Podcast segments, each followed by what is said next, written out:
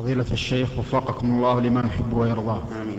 وسمع مما عمت به البلوى في هذا الوقت وفي هذا الزمان هو عدم التستر من البول من الصغير ومن الكبير ومن الذكر والأنثى والعالم والجاهل وذلك وخاصة في أثناء لبس الشراب في الشتاء لأن تعلمون أن دورة المياه قاسية الأرض أرضها قاسية فلا بد أن يصل لها لابد إيش؟ أن يصل شيء من البول إلى إذا ما تحرز الإنسان وكثير من الناس يتساهل في هذا الشيء. ما نصيحتكم وفقكم لا شك أن التساهل في, في, في البول يعني في التطهر منه خطأ عظيم. لأنه من أسباب عذاب القبر.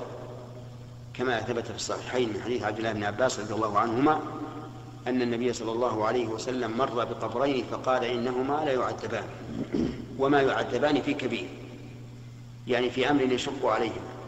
أما أحدهما فكان لا يستتر من البول يعني لا يستنزه منه ولا يستبرع منه. وأما الآخر فكان يمشي في النميمة. ويروى عنه صلى الله عليه وسلم أنه قال استنزهوا من البول فإن عامة عذاب القبر منه.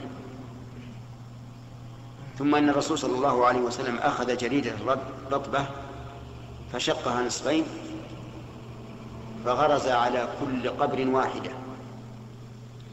قالوا لما فعلت ذلك؟ قال لعله يخفف عنهما ما لم ييبسا وقد أخذ بعض العلماء رحمهم الله من هذا الحديث أنه ينبغي إذا دفن الميت أن يوضع عليه آه، أو أن يغرز في قبره جريد من النخل الرطب أو غصن الشجرة أو ما أشبه ذلك. وهذا غلط. غلط عظيم. فإن النبي صلى الله عليه وسلم لم يكن يضع هذا على كل قبر. إنما وضع هذا على قبرين يعذبان. فهل أنت تعلم أن هذا القبر يعذب؟ حين وضعت هذه الجريدة؟ الجواب لا. إذا أنت الآن أسأت الظن بصاحب القبر. حيث وضعت عليه الجريدة يعني كأنك تقول هذا القبر يعذب. وأنت لا تعلم. وإنما نبهت على ذلك لأن بعض العلماء قال إنه ينبغي أن يضع جريدة رطبة على القبر بعد الدفن أو غصن شجرة أو ما أشبه ذلك. وهذا لا شك أنه غلط ولا وليس من السنة. ثم أن ما أشار إليه الأخ السائل من وضع المراحيض الآن وأنها صلبة فيقال المراحيض صلبة لا شك.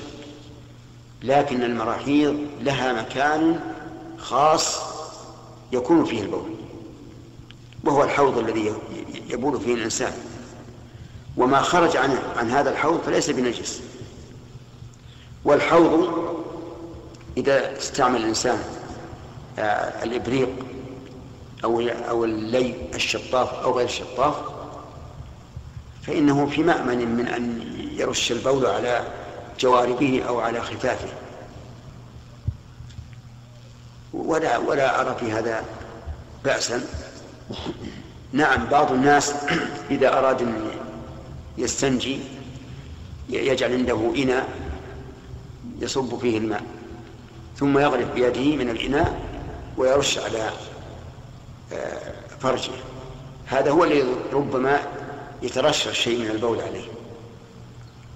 ولهذا لو استعمل هذا الذي يضع الإناء لو استعمل الإبريق أو اللي لكان أحسن وأقرب إلى النظافة.